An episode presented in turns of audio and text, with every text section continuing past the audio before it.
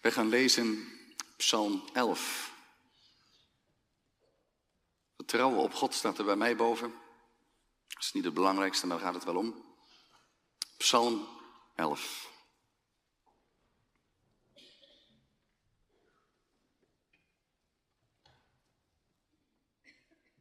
En dan lezen wij Gods woord als volgt.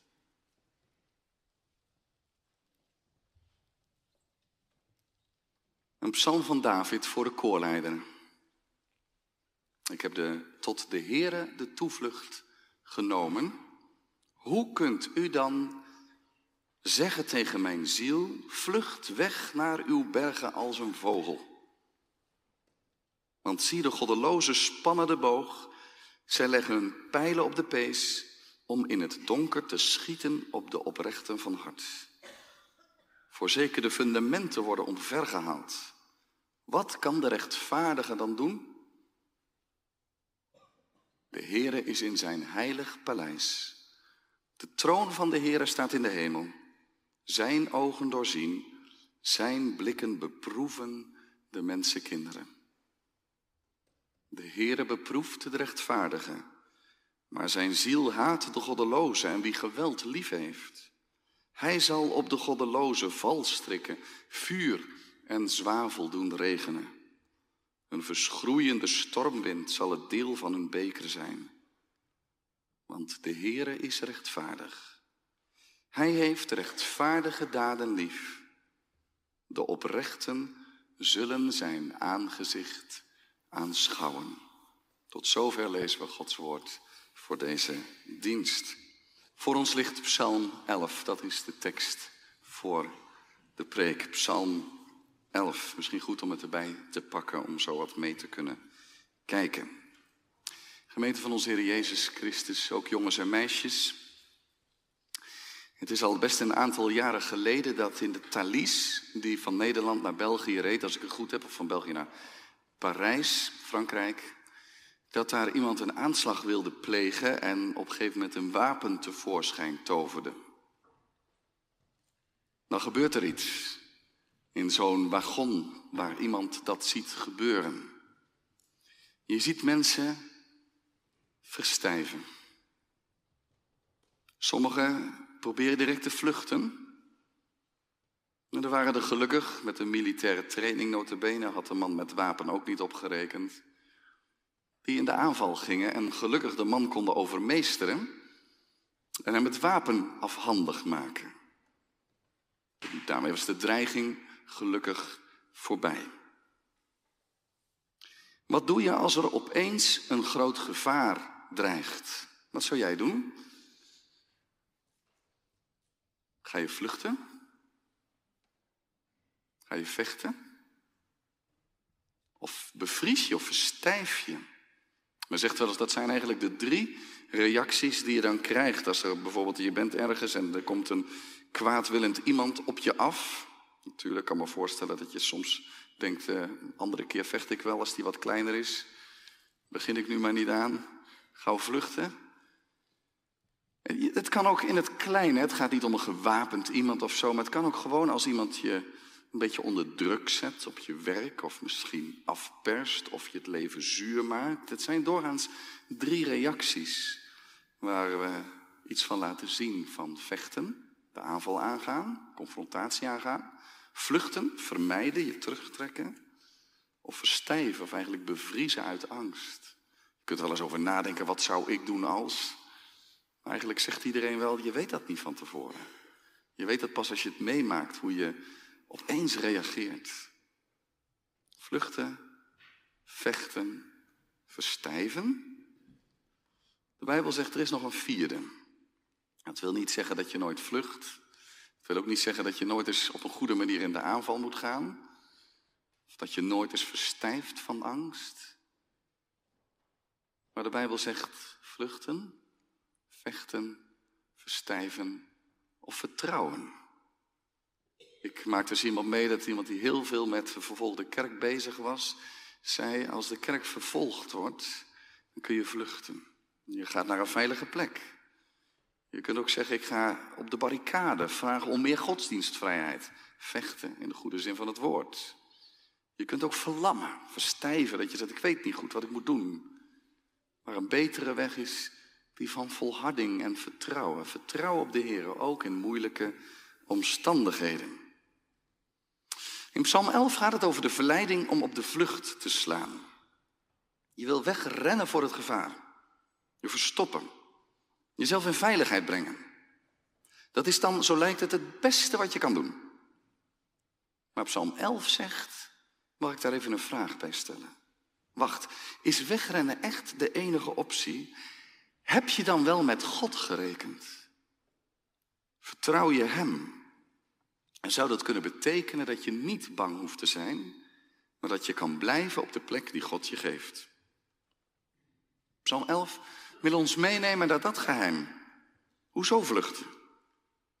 Ik ben al gevlucht, zegt de dichter. Ik ben al gevlucht.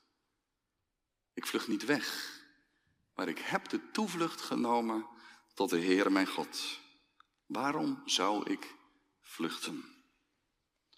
Thema voor de preek is niet vluchten, maar vertrouwen. Niet vluchten, maar vertrouwen. Psalm 11 valt met de deur in huis. Direct aan het begin van deze psalm heb je eigenlijk al precies waar het in dit lied over gaat. Ik heb tot de Heere de toevlucht genomen. Daar zit iets in, niet alleen van ik neem nu de toevlucht tot de Heere, maar zo ligt het in mijn leven. Ik heb dat gedaan. Ik ken de momenten nog. Ik, ik wil niet zeggen dat het maar één moment is, maar het is helder geworden in mijn leven waar mijn vertrouwen ligt. Ik heb tot de Heere mijn toevlucht genomen. Zo sta ik in het leven. Maar dan staat er direct achteraan, hoe kunt u dan tegen mij zeggen, tegen mijn ziel zeggen, tegen mij zeggen, vlucht weg naar uw bergen als een vogel. Het zijn blijkbaar de vrienden van David die naar hem toe zijn gekomen en hebben gezegd, David, het gaat echt niet langer. Het wordt te heet onder je voeten. Het is niet meer vol te houden. De gevaren zijn zo groot. Er is nog maar één ding te doen. En dat is dat je je biezen pakt en weggaat. Ga wegvluchten. Stel je eigen leven in veiligheid. Want het heeft geen zin om te blijven. Het is te gevaarlijk. Stel jezelf in veiligheid. Een goed bedoelde advies staat in vers 1b tot en met 3. Je zou dat kunnen opvatten als dat is het advies wat de vrienden van David aan hem geven. Vlucht weg naar uw berg als een vogel.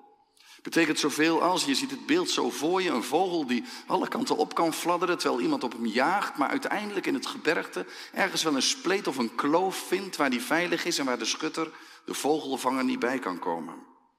Een vogel zo kwetsbaar als het maar kan, kan nog wegvluchten naar het gebergte. Zo, David, ren. Nu nog kan, verstop je, zodat ze niet bij je kunnen komen. Vlucht voordat het te laat is. Zijn vrienden geven een goed bedoeld, welgemeend advies. Ze zijn met hem begaan. Ze zeggen, anders gaat het niet goed, David. En ze hebben er alle reden toe, kijk maar mee. Want zie, zeggen ze, de goddelozen, het natuurlijk in prachtige beelden gezegd, maar je ziet het zo voor je. De goddelozen die, die zijn al bezig een boog te spannen. Ze leggen hun pijlen op de pees, waarmee je naar achter trekt en dan je pijl los laat gaan, om in het donker te schieten op de oprechte van hart.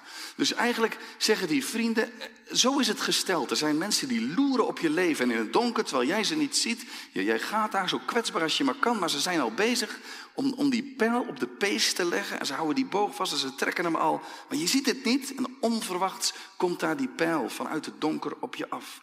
Het, je bent geen partij. Je hebt geen manier om jezelf in veiligheid te stellen.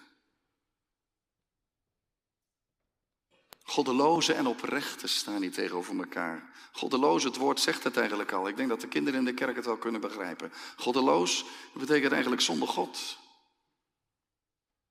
Je hebt geen God aan je kant. Je houdt je niet met God bezig. God is niet belangrijk. Goddeloze, je komt ze in de psalmen best wel vaak tegen.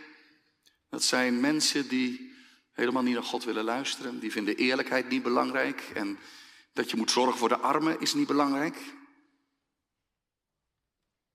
Dat je ieder zijn recht moet geven is niet belangrijk. En als iemand arm is en het niet meer vol kan houden, dan is het helemaal niet erg om gewoon egoïstisch alleen maar aan jezelf te denken. Dat zijn goddelozen. En die oprechten van hart. Het zijn mensen die van de Here houden en die zeggen, ik wil eerlijk zijn, al kost me dat veel. Ik wil oprecht leven, ik wil ieder zijn deel geven. En als ik arme mensen zie, dan weet ik dat het Gods roeping is om hen te helpen.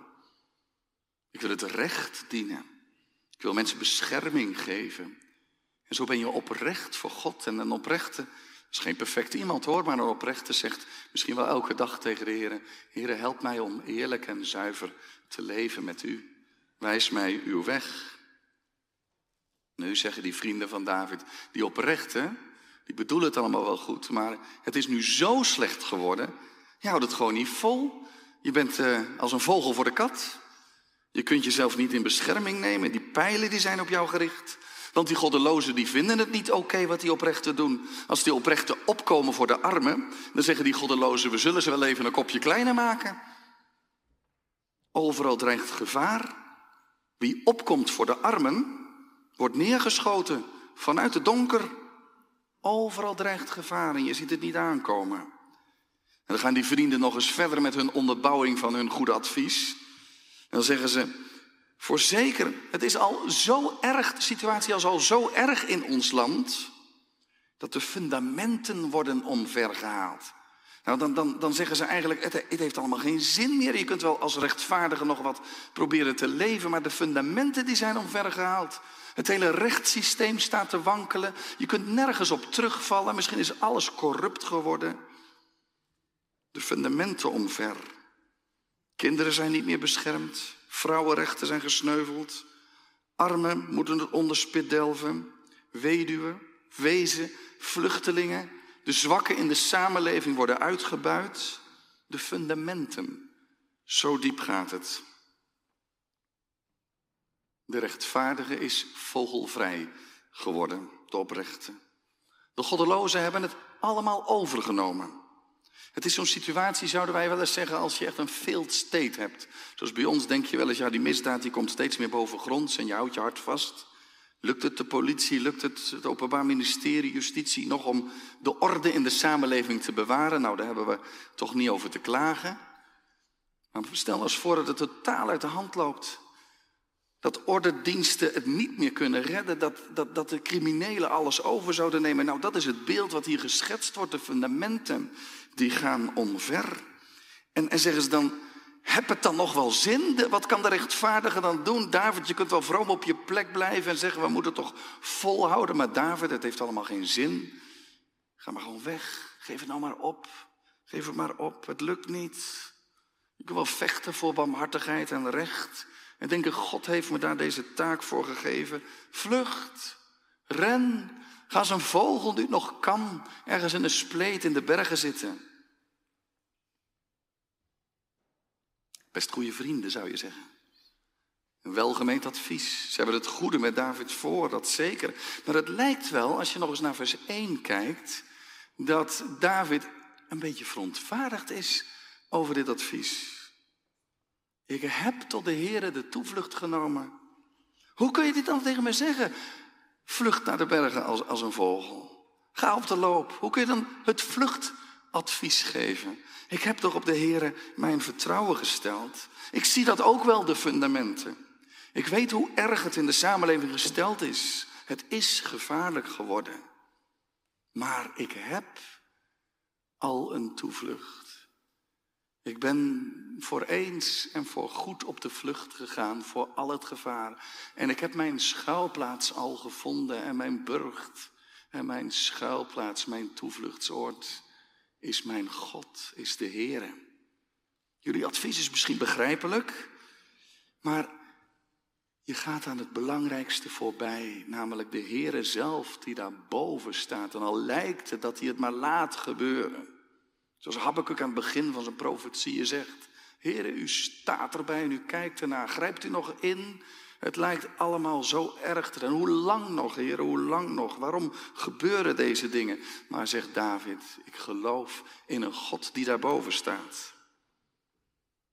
Is hij er soms niet meer? Klinkt iets van verontwaardiging door. Hoe kan je dat zeggen? Je kent mij toch, je weet toch waar ik het zoek. Begrijp me goed. Je kunt niet zeggen bij deze psalm dat je nooit mag vluchten. David heeft het zelf gedaan. Hoe vaak is hij niet voor Saul op de loop geweest? Hij vluchtte het gebergte in. Het is eigenlijk opmerkelijk dat als je 1 Samuel 26 bekijkt, dan zegt David ook zoiets als, wat jaagt u op mij? Dan heeft hij even zo'n contactje met Saul. Dan zegt hij tegen Saul, wat jaagt u op mij? Zoals men in de berg op een patrijs jaagt. Weet niet of hij daaraan gedacht heeft toen hij Psalm 11 dichtte. Maar toen heeft hij zich als een vogel gevoeld, als een patrijs die op de vlucht is. En Saul zat achter hem aan, maar hij was op de vlucht. Je mag je leven in veiligheid brengen. Denk later maar aan die geschiedenissen van uh, zijn zoon Absalom, buitengewoon onverkwikkelijke geschiedenissen. Het zal maar zijn dat je je eigen zoon tegen je in opstand komt. Toen hebben ze ook tegen David gezegd, David, ik zou maar gauw uit Jeruzalem weggaan, want als nu Absalom eraan gaat, dan, dan, dan breng je het er niet levend vanaf. En hoe moet het dan met de toekomst van het volk van God? En dan gaat David over de beek Kidron.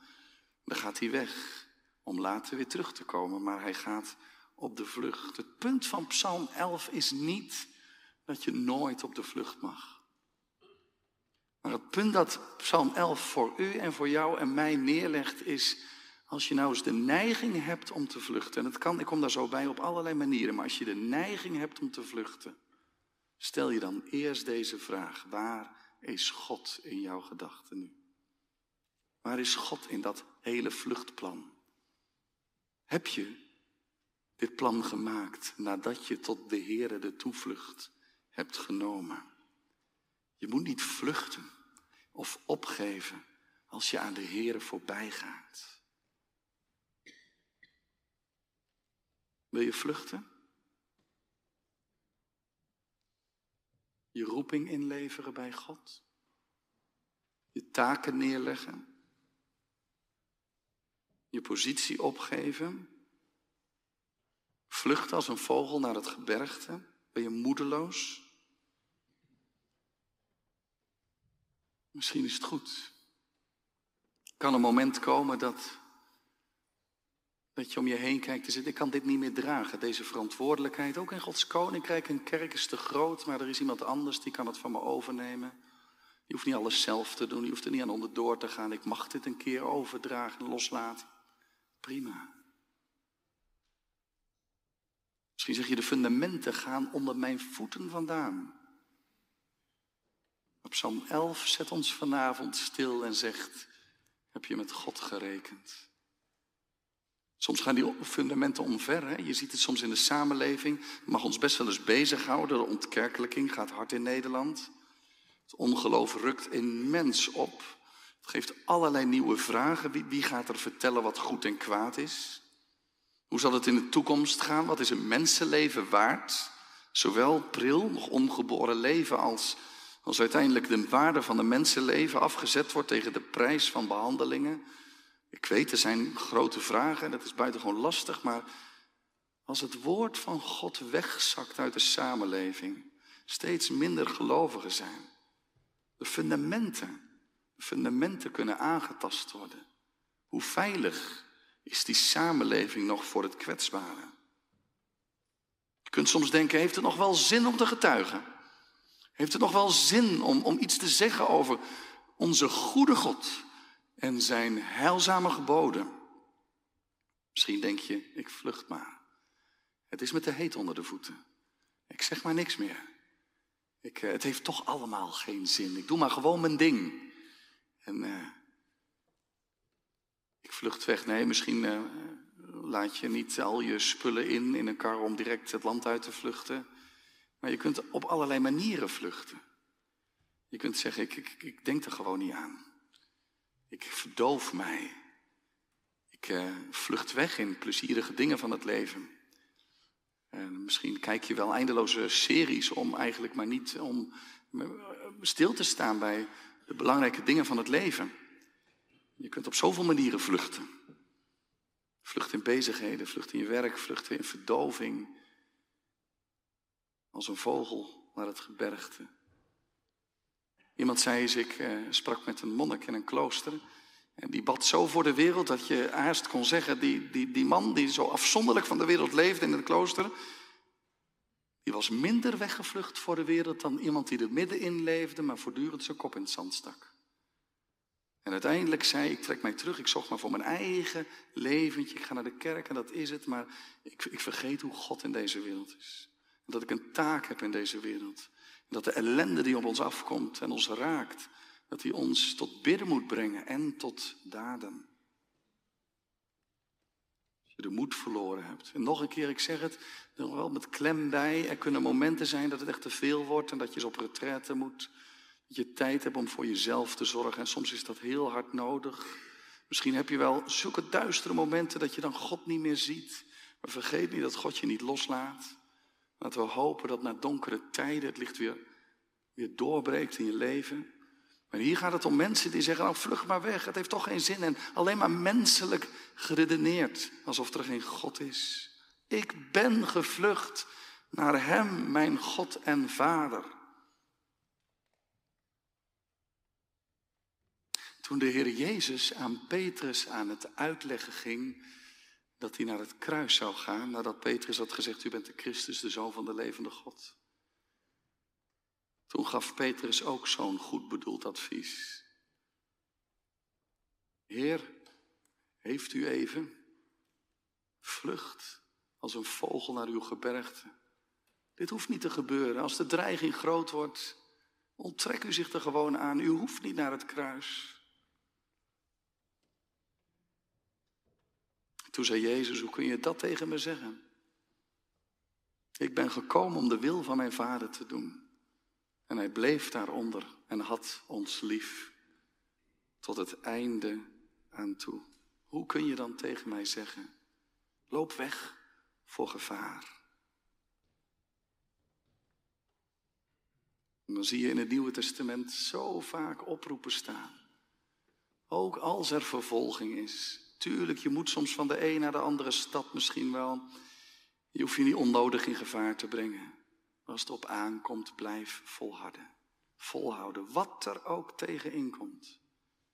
Hoe groot de druk ook wordt. Vlucht er niet voor weg.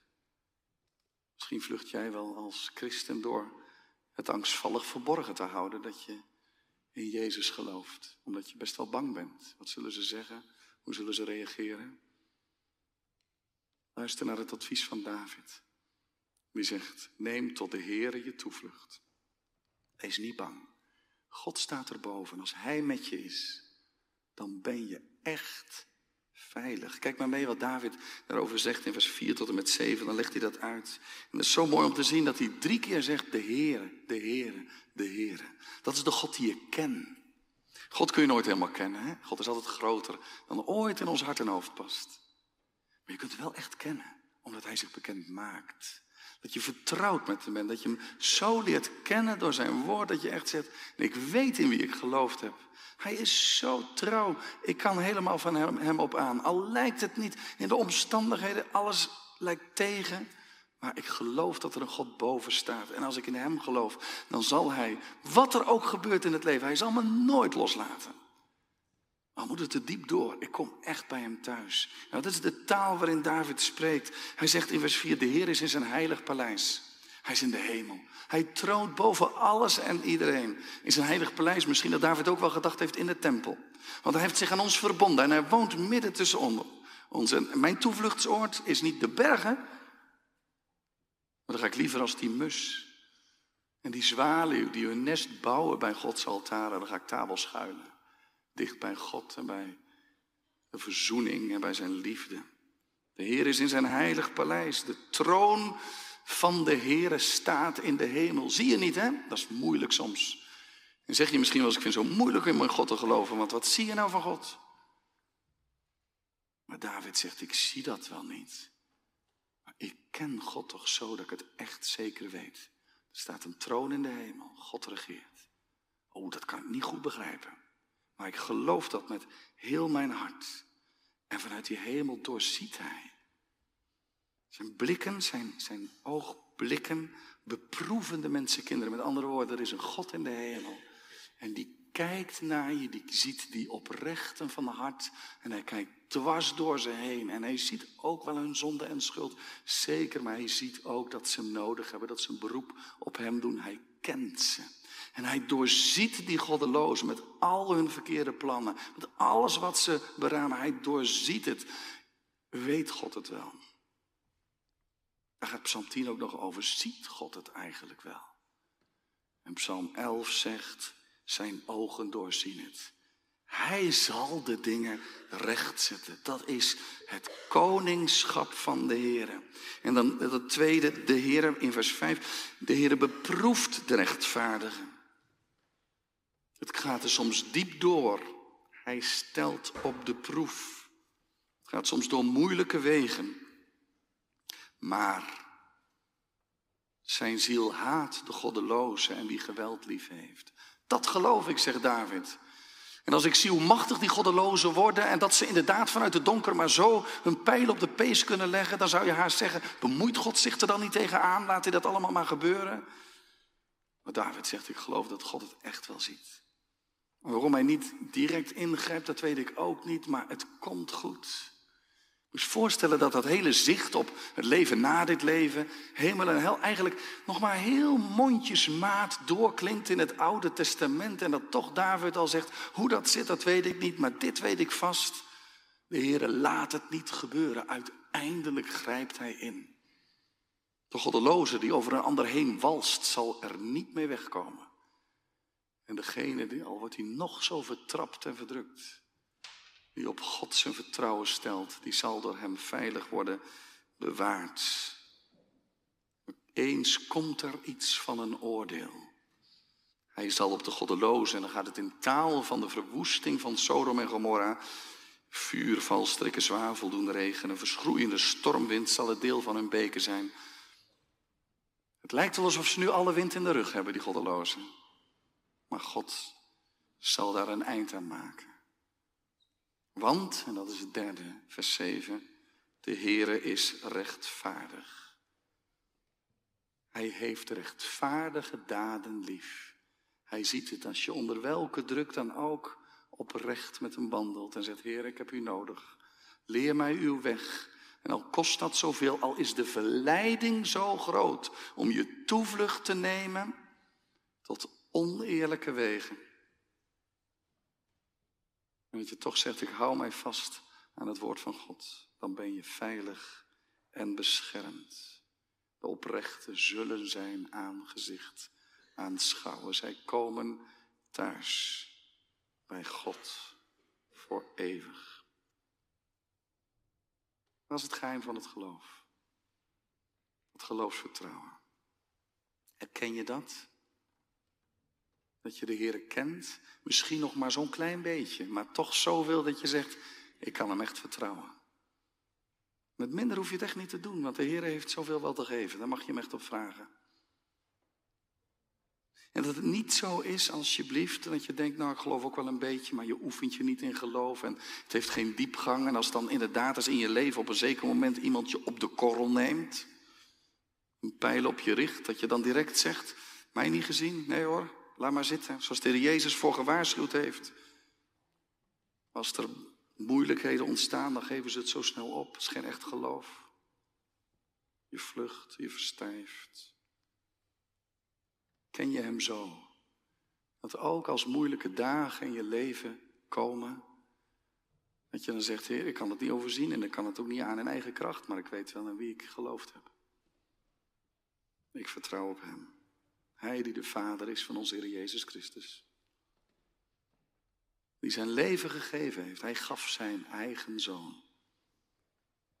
Omdat een ieder die in hem gelooft niet verloren gaat, maar eeuwig leven heeft. God is goed. Het bloed van Jezus Christus reinigt van alle zonden. En als hij zijn eigen zoon voor ons niet gespaard heeft, maar hem voor ons allen heeft overgegeven, zal hij dan ook met dat hij zijn zoon gegeven heeft, ons ook niet alles geven wat we nodig hebben? En daarom zingt Paulus dat heerlijke lied al, dat er niets is wat ons scheiden zal van Gods liefde in Jezus Christus, al is het honger en vervolging of zwaarte of wat het ook is. Neemt Gods liefde niet weg. En aan die liefde van God grijpen wij ons vast. En dan zeggen we, hoe kun je nou tegen ons zeggen? Neem de benen, ren weg. Ik heb mijn toevlucht genomen. tot de Heer Jezus Christus en zo tot de eeuwige God en Vader. Hij is mijn schild. Wil gaan alle fundamenten om. Dan is Hij de rots van mijn behoud. Niet vluchten, maar vertrouwen. Oh, soms heb je zoveel reden om te wantrouwen. Ik denk aan Jozua en Caleb. Twee van de twaalf verspieders. Tien van de verspieders kwamen met het verhaal dat de reuzen woonden, dat het moeilijk is en dat het nooit zou lukken. En ze hadden gelijk als je er alleen maar menselijk naar kijkt. En toen zeiden Jozua en Caleb, hoe kunnen jullie nou zeggen dat het te moeilijk is? Menselijke wijs ja, maar er is een God. Een God die eeuwig leeft en die almachtig is. En als Hij ons deze weg wijst, dan zal die weg begaanbaar zijn. Ik heb mijn toevlucht genomen en ik schuil bij Hem. De Heere, zegt David. Dat is de ik ben die ik ben, de trouwe God van het verbond, die erbij zal zijn, die nooit laat varen wat zijn hand begon. Je kunt van Hem op aan. En als er moedeloosheid dreigt en gevaar, te veel om te dragen, te weinig grond onder je voeten, de fundamenten die weggeslagen lijken te worden. Ik ben er, zegt de Heer. Je zult mijn aangezicht aanschouwen. Blijf maar de goede strijd strijden. In vertrouwen. Gods kinderen komen thuis. Amen.